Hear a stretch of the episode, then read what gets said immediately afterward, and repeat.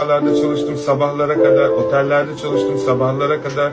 Çünkü sabahları da başka işlerde çalışıyordum. Otelde çalıştım, e, çiftlikte çalıştım, hayvan baktım, kafelerde çalıştım. Yani aklınıza gelebilecek ben yapmam dediğiniz neredeyse bütün işleri yaptım. Çünkü şuna inanıyordum, hani böyle bir gerçek var. Sevdiğiniz işi yapmak istiyorum. Ben yıllar boyunca sevdiğim işi yapmak istiyorum. Fakat şunu unutmuştum.